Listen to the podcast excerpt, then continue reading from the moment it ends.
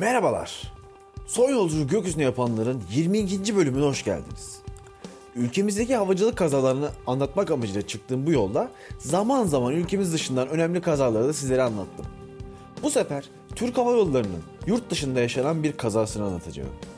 Bu kaza Türk uçaklarının karıştığı tarihteki son ölümlü vaka idi. Ta ki çok kısa bir süre önceye kadar. 2000'li yılların başından itibaren ekonomisi toparlanmakta olan Türkiye, bazı sektörlerde dünyanın önde gelenlerinden biri olma yolunda gidiyordu. 2009 yılında da Türk Hava Yolları dünya çapında en çok tercih edilen hava yolu olma hedefiyle yola çıkmış ve Şubat ayı itibariyle de muhtemelen işler yolunda gidiyordu. Ta ki Şubat ayının 25'ine kadar. 25 Şubat 2009 tarihinde Tekirdağ isimli Türk Hava Yolları uçağı İstanbul-Amsterdam seferini yapıyordu. Bu Türk Hava Yolları'nın Boeing 737-800 tipi uçaklarla günlük olarak yaptığı rutin bir uçuştu. Belki Boeing çalışanı birkaç kişi haricinde kimsenin bilmediği bir kusuru vardı bu uçağın. Altimetre denilen yükseklik ölçmeye yarayan aletlerinde sürekli görülen hatalar ortaya çıkıyordu. O güne kadar sadece bu uçaklarda yapılmış uçuşlarda Türk Hava Yolları'nda 150 civarı altimetre hatası kayıtlara geçmişti. Havacılıkta hiçbir büyük felaketin tek bir hatayla meydana gelmediğini hepimiz biliyoruz. Daha önce 150 kere arızalanan altimetre sadece o gün başka hataların da üst üste gelmesiyle insanların canına mal olmuştu. Uçak Amsterdam Schiphol Havalimanı'na iniş sırasında düşük hava hızı sebebiyle uçamaz hale gelip piste ulaşamadan çok yakınlardaki bir karayoluna düştü. Genellikle ön sıralarda oturan 5 yolcu, kokpitteki 3 pilot ve sağ en arkada koltuğunda oturan bir kabin görevlisi yaşamını yitirdi.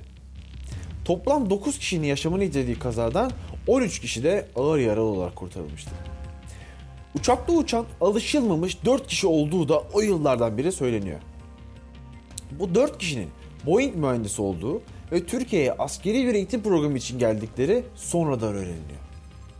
Uçak kaza yaptıktan sonra yarım saat boyunca uçağın yanına kimseye yaklaştırmayan FBI görevlilerinin mühendislerin laptoplarını ele geçirdikten sonra kurtarma çalışmalarına izin verdiği ve bu güvenlik önleminin insanların canına mal olmuş olabileceği de hala tartışılıyor. Şimdi gelelim uçağın düşüş hikayesine. Uçak aslında Amsterdam'a kadar seferi etkileyen bir hata olmadan gelmişti.